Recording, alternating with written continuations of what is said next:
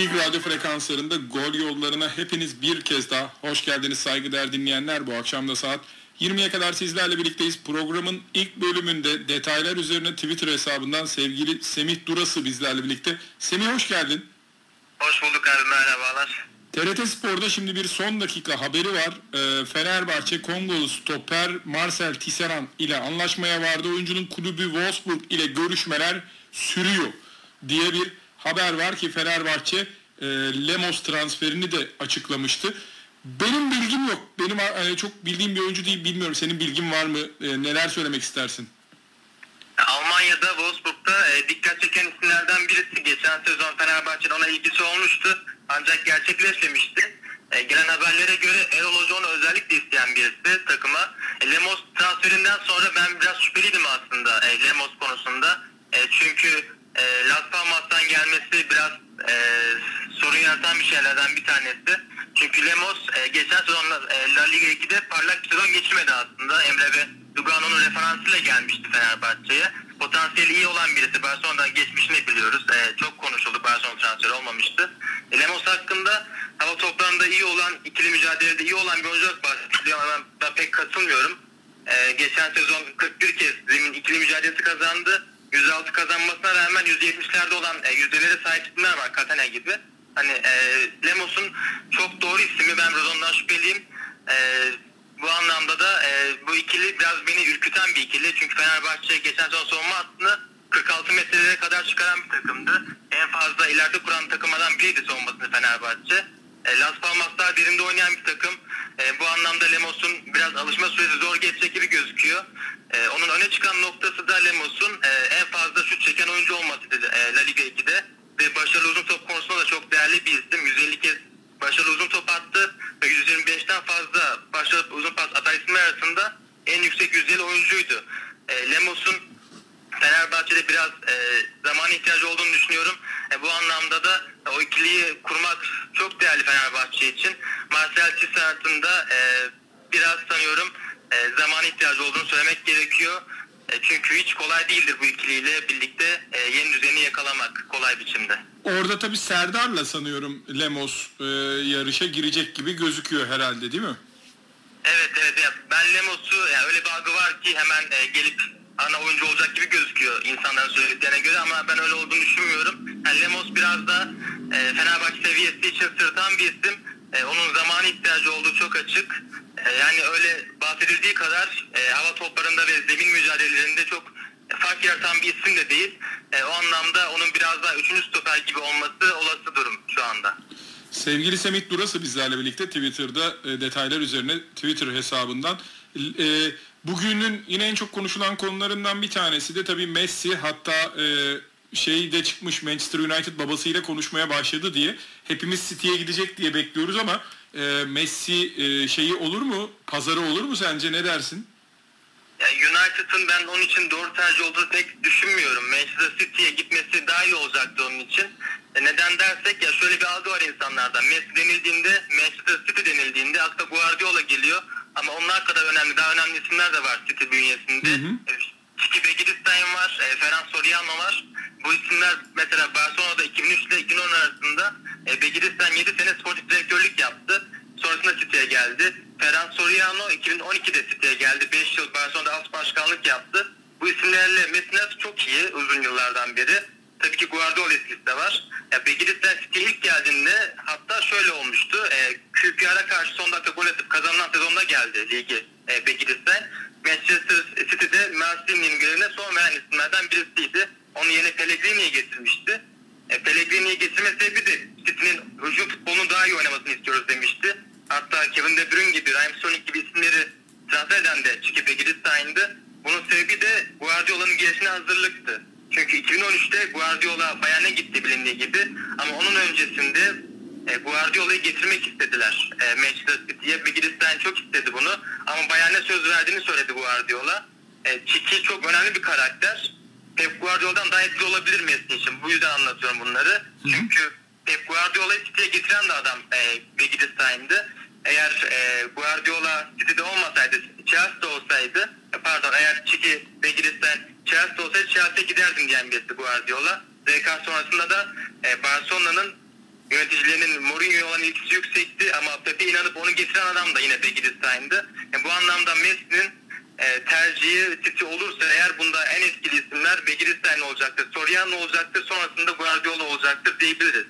Sevgili Semih Durası ile birlikteyiz. Semih öte yandan da Kuman sen de hatırlarsın sanıyorum. Southampton'a geldiğinde Pochettino gitmişti. Hatta Southampton şöyle bir tweet atmıştı. E, saha var ama e, antrenman yapacak oyuncu yok diye espriler yapılıyordu ve e, o Pochettino Tottenham'a gitmişti ve e, çok büyük bir oyuncu satışı yapmıştı Southampton. O zaman da Koeman sıfırdan bir takım kurdu ve yine başarılı oldular. Southampton onun belki de başarılı olduğu e, birkaç yerden bir tanesi. Şimdi galiba e, Barcelona'da da Koeman'a aynı o Southampton'da olduğu gibi yeni bir takım kurma görevini verecekler sanki değil mi? Bir de perdenin o tarafı var. Öyle görülüyor ama bu geçişi keskin yaptığı için örneğin Suarez gibi isimleri, Pique gibi isimleri e, takımdan göndermek üzere olduğundan dolayı e, biraz ona karşı takımın cephe aldığını söylemek gerekiyor. E, örneğin Messi'nin ayrılma ihtimalinde, ayrılma isteğinde en önemli noktadan birisi takıma karşı e, çok agresif olması olarak söyleniyor. Takımda çok fazla değişikliğe gidilmesi olarak söyleniyor. E, Kuman'ın da Messi'nin e, özgürlüklerini biraz kısıtlayacak gibi bir e, algı oluştu. Öyle bir hava oluştu. Bu anlamda da Kuman yenilik getirmek istiyor Barcelona'ya ama yeniliği getirirken de en değerli yapı taşım benim Messi olacak demişti imza attığı gün. Ancak Messi ayrılırsa çok daha farklı bir Barcelona görebiliriz. Takımda Pedri gibi değerli oyuncular var, yetenekli genç oyuncular var. Bugün de Trincao geldi.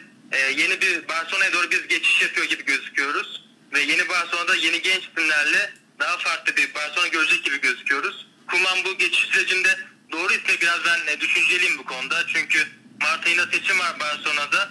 Hatta eğer başkan bırakmazsa Mart ayında olacak bu seçim. E, bu akşamda da Kuman'la 2 yıllık anlaşma sağlanması e, Mart ayında bir görev değişikliği olduğunda Kuman doğru isim mi olur? Bu konuda pek emin değilim. E, çünkü hiç kolay değil bu, bu noktadaki Barcelona'yı yeniden havaya kaldıracak isim Kuman mı? O biraz şüpheli gözüküyor. E, onu göreve getirirken de en büyük artısı e, takımdaki Barcelona DNA'sına sahip isim olmasıydı. E, Johan Cruyff'ün izinden giden bir isim olmasıydı. Başkan bu şekilde açıklamıştı. Bu anlamda ben e, pek ondan mutlu değilim uzun vadede. Ancak değişim gerekiyor Barcelona'da. E, değişimi yapacak Kuman gibi gözüküyor. Sevgili Semih Durası ile birlikteyiz detaylar üzerine Twitter hesabından. Semih dün akşam Beşiktaş e, PAOK'a 3-1 kaybetti. Aslında senin de değindiğin noktalar vardı. Hani Beşiktaş'ın oyun stili ve burada aldığı riskler ve neredeyse e, ilk yarıda kaybetti maçı e, ve çevirebilirdi de yani maçın geneline baktığımızda. Hangi notları öne çıkartırsın dünle ilgili? Geçen sezon Süper Lig'de Beşiktaş en fazla savunmasını önde kuran takımdı. 48 metre ileride pozisyon alıyordu, savunma attı. Sergen Hoca da Falk maçına aynı şekilde çıktı. Yine savunması ilerideydi takımın. Ya hazırlık maçı bile yapmamış olduğunu unutmamak gerekiyor Beşiktaş'ın. Takım sadece iki kere toplu antrenman yapabilmiş. E, çok maça iyi hazırlanamadıklarını söylemek gerekiyor. Bu savunma hattıyla çıkıp e, çünkü bu savunma hattı 400 ilk kez oynadı ve yerleşim konusunda uyumsuzluklar da vardı. Bu hattı bu kadar ileride kurmak ve büyük sorun yarattı. Beklerde de Lens'in olması, Ensakala'nın olması, Lens'in savunma önünün çok zayıf olması, Korkun e, ısrarla o taraftan hücum yapmasına rağmen hocanın ilk yarı bir değişik daha içinde olsun e, oyuncu değişikliği olarak da değişiklik eklemesi Korkun her istediğini yapmasına sebep oldu. E, Wellington geçen sezon en fazla penaltı yaptıran oyuncuydu. Yine çok kolay şekilde penaltı yaptırdı. Ensakala e, defansif olarak önemli bir oyuncu. Defansif yönü ağır oyuncu. Ama onun hazır olduğu süreç bile en iyi zamanlı bile Beşiktaş seviyesinde, şampiyonluk seviyesinde olan bir takım için uygun mu? Bu biraz tartışılacak birisi. E, tartışılacak bir konu. O da çok kolay basit hatalar yaptı. Savunma uyumu hiç iyi değildi Beşiktaş'ın. Geçen sezon e, açık kanat oyuncularında Beşiktaş zorlanıyordu. Boyut olsun, pek oynatılmayan Boyut olsun, Enkudu olsun bu isimler çok fazla e, takıma olumlu etki yapamıyordu. Bu yüzden de beklerde Gökhan ve Cener olumlu anlamda e, kanatların açını kapatıyordu diyebiliriz. Bu isimler açını kapatıyordu. Hücuma çok iyi katkı yapıyorlardı. Bu sezonda e, dünkü maçta özellikle Ensakala ve Lens olması beklerde. Hücumda da yine aynı isimlerin olması kanatlarda takımın hücum üretkenliğinde de önemli bir darbe vurmuş oldu. Eğer e, bu defansif bekler, daha kontrollü bekler olacaksa Beşiktaş'ta Lens de artık muhtemelen oynamaz e, bekte. E, daha iyi bir, çok iyi e, oyuna etki edecek hücum kanatları gerekiyor Beşiktaş için. E, Pauk da bunu çok iyi değerlendirdi. İlk saatte 3-0 yakaladılar. Rahat şekilde e, maçı kazandılar. E, ikinci yarıda hoca değişiklikler yaptı tabii ki. Ancak bunu beklemeli miydi ikinci yarıya kadar? E, 25'de yapabilirdi. Yani ilk yarıda oyunu değiştirmek, oyuncu değiştirmek enteresan bir şey değil. Hep yapılan bir şey. E, Hatta. Semih şunu da ekleyelim. Evet. Oyuncu değiştirmeden e, şeyi sağ beke alıp Necip'i e, orada da bir değişiklik yapabilirdi aslında değil mi? Tabii ikinci bekledi bunun için hani ama maç artık kopma noktasına gelmişti. İkinci yarı yapılan e, hamleler genellikle olumlu olarak lanse edilir. Hoca oyunu doğru okuyor diye e, bahsedilir. Ama çıkan o 11'in yanlış olması, takımın şu anki durumun uygun olmaması e, bunu ne kadar olumlu telafi etmeye çalışsanız da skora yansımamış oluyor. Eğer ilk yarı bu şekilde çıksaydı, ikinci yarı çıkılan gibi çıksaydı daha iyi olabilirdi takım. Tabii Oğuzhan'ın 90 dakikayı kaldırabilmesi pek mümkün de değildi. Hocanın en azından Lens yerine Necip oraya başlayıp biraz daha savunması e, iyi olan oyuncularla oyunu geride kursaydı daha farklı bir sonuç alabilirdi Beşiktaş. Sevgili Semih Durası ile birlikteyiz. Semih e, bu arada PAOK'taki genç oyuncular da tabii dikkat çekti. E, iki gol bir asistle oynadı sanıyorum o e, ilk yer genç arkadaş. E, neler söylemek istersin? PAOK bu anlamda da göze, e, göze hoş gelen bir iş yapıyor sanki. Evet PAOK e, Yunanistan Ligi'nde uzun zamandır e, zirve oynayan takımlardan birisi. Takımda Limnios'u ben çok beğeniyorum. Dün oynatamadı ama takımda fark yaratan oyunculardan biriydi. 18 yaşındaki e, iki gol basitli oynayan Zolis de gayet iyi bir performans ortaya koydu. Oyunculardaki o özgüveni biz sahada gördük. E, hiç vuruşlarında e, e, tamamen bir netlik vardı. Hatta bir özgüven kaybı görmedik. Aynı şekilde Michailidis de olsun, Limninos da olsun e, son oyuncuları da gayet iyi durumdaydı. Pok uzun yıllardan beri üstüne ek yaparak gelen bir takım. Takımda ayrılan oyuncular da oldu ama yeni nasıl dolduracağını iyi bilen bir takım. E, bizden çok daha bütçelerle bunları başaran takım PAOK. E, Çupa Akbom gibi değerli isimleri takımda tutup e, asla göndermeyip ek yapan bir takım. Yani e, maddi açıdan zorlansalar da takımın en değerli oyuncularını takıp, e, tutup takımda özellikle hücum bölgesinde e, genç oyuncularla biraz da e, takıma güç katmaya çalışan bir takım. E, biz geçişleri çok keskin yapıyoruz. Bu anlamda da e, ne istediğimizi tam ben bildiğimizi düşünmüyorum. Yani mesela Sergen Yalçın hocanın konusuna gelmek istiyorum. Beşiktaş öncesinde çalıştırdığı 8 takım oldu Sergen Hoca'nın. Bu 8 takımın sadece birinde Sivas Spor'da 38 maça çıktı. Bu 8 takımın 7'sinde 24 maçta altında görev aldı Sergen Yalçın. Kendi oyununu, kendi sistemini kurup e, gelenlerle gidenlerle 200 sezon geçirebildik takımda olmadı Sergen Hoca'nın. Kısa vadede büyük iş yapan bir hoca ama uzun vadede hala soru işaretli olan bir isim. Yeni Malatya Spor'da e, Avrupa'da takımını oynattı, e, değerli işler yaptı ama yine kısa vadeli bir sezon geçirdi. Beşiktaş'ta olabilecek en iyi hamleydi geçtiğimiz sezon için. Çok iyi e, başarılar elde etti. Olabilecek en iyi sonuçlar aldı. Onun dobralığı taraftara karşı gerçekçi olması önemli. Ama dünkü PAOK maçından sonra transfer yapamadık gibi, hakem çok kötü gibi şeyler söylemek bence e, sorunların üstünü örtmek gibi oluyor. Wellington olsun, Ensakal olsun, Mensa olsun Sergen Hoca istediği için alınan isimlerdi. Bu isimlerde ona, e, ilk 11'e başlayıp gerçekten kötü performans sergilediler. Takımın da hazırlanmaması yeterince. PAOK mesela iki hazırlık maçı yaptı. Beşiktaş'tan 5 gün daha erken birlikte kampa girdiler. Beşiktaş'ın bu kadar önemli maça, sezonun emeği olan maça, hazırlık maçı yapmadan çıkmış olması bu kadar yeni bir savunma hattına da sahipti. Büyük eksiydi bence. Çok önemli bir e, noktaya dokundun sevgili Semih. Buna ben de katılıyorum. E, sonuçta yeni sezon eski sezon ayrımı olmayan bir dönemdeyiz. Beşiktaş bu turu hedefliyor idiyse bir de PAOK senin de dediğin gibi hani İtal e, Yunanistan Ligi öyle bizden çok üstte bir lig değil. E, bunu sağlayabilecek zaman vardı. Bu anlamda sana %100 katılıyorum. Senin e, Twitter'da paylaştığın önemli konulardan biri de şuydu.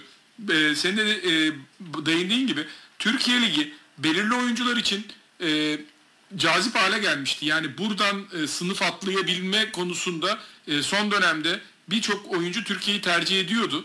Ama bizim kafamız o kadar karışık ki bu konuda da senin de belirttiğin gibi hani 3. ligde oynayan takımlar vesaire kuramadık.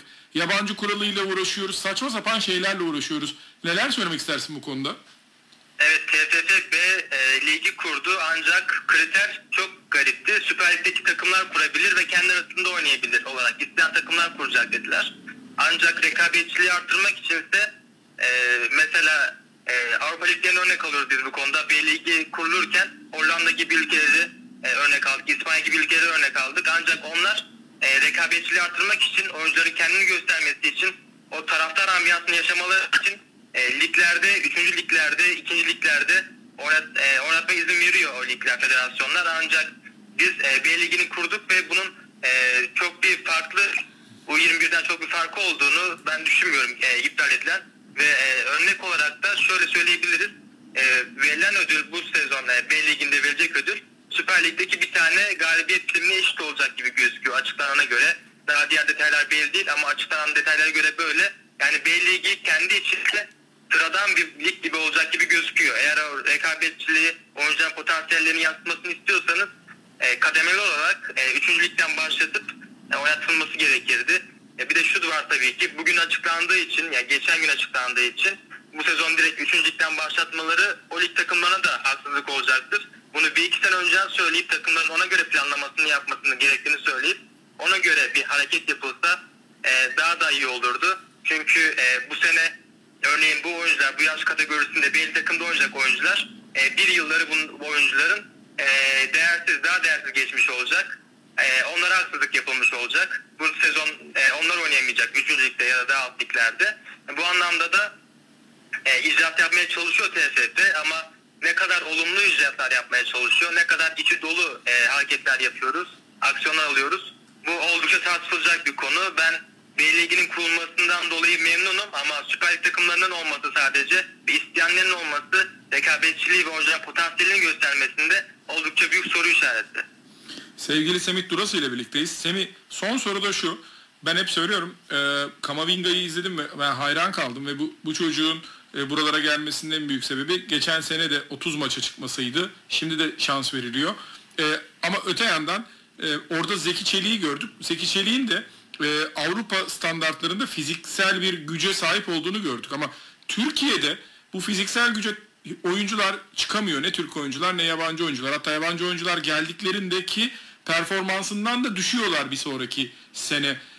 Benim anlayamadığım bir şey bu. Yani bu çalışmamakla ve kendine bakmamakla ilgili ve dolayısıyla da e, Türkiye'de bir gencin aşama kaydetmesi bana imkansız gibi geliyor. Neler söylemek istersin bu konuda? Kesinlikle öyle. Fenerbahçe'de örneğin e, Ömer Faruk Beyaz oynatılması için çok uzun yıllardır taraftar e, dile getiren e, bir camia.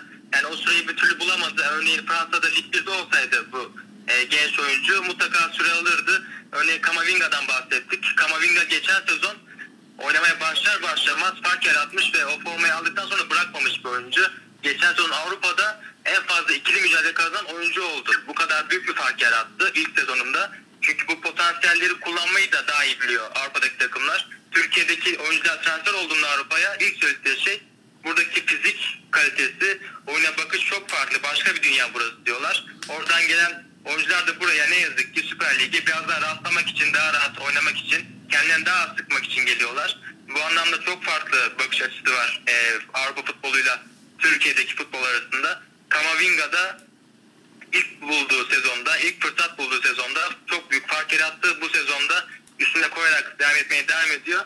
Türkiye'deki yetenekli gençlerin oldukça sayısı fazla. Artık e, TSF 1. Lig'den de Süper Lig'den de hatta Süper Lig'den daha fazla sayıda e, 1. Lig'den oyuncularımız e, Avrupa'ya gidiyorlar.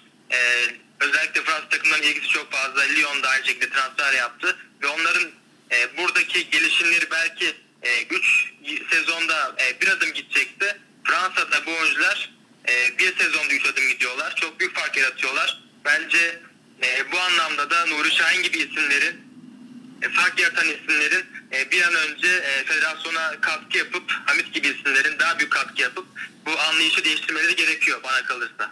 Hamit Altıntop sadece kağıt üstünde var gibi o konuda da bir şerh koyayım. Hiçbir şey yapmıyor yani çok büyük hayal kırıklığı. Ben kendisinin çok daha aktif bir rolde olmasını bu bahsettiğin alt liglerin e, yabancı kuralının vesairesinin hepsini Hamit'in düzenlemesini yani hepsinde etkin olmasını beklerdim. Çok büyük hayal kırıklığı bu arada Semih benim için.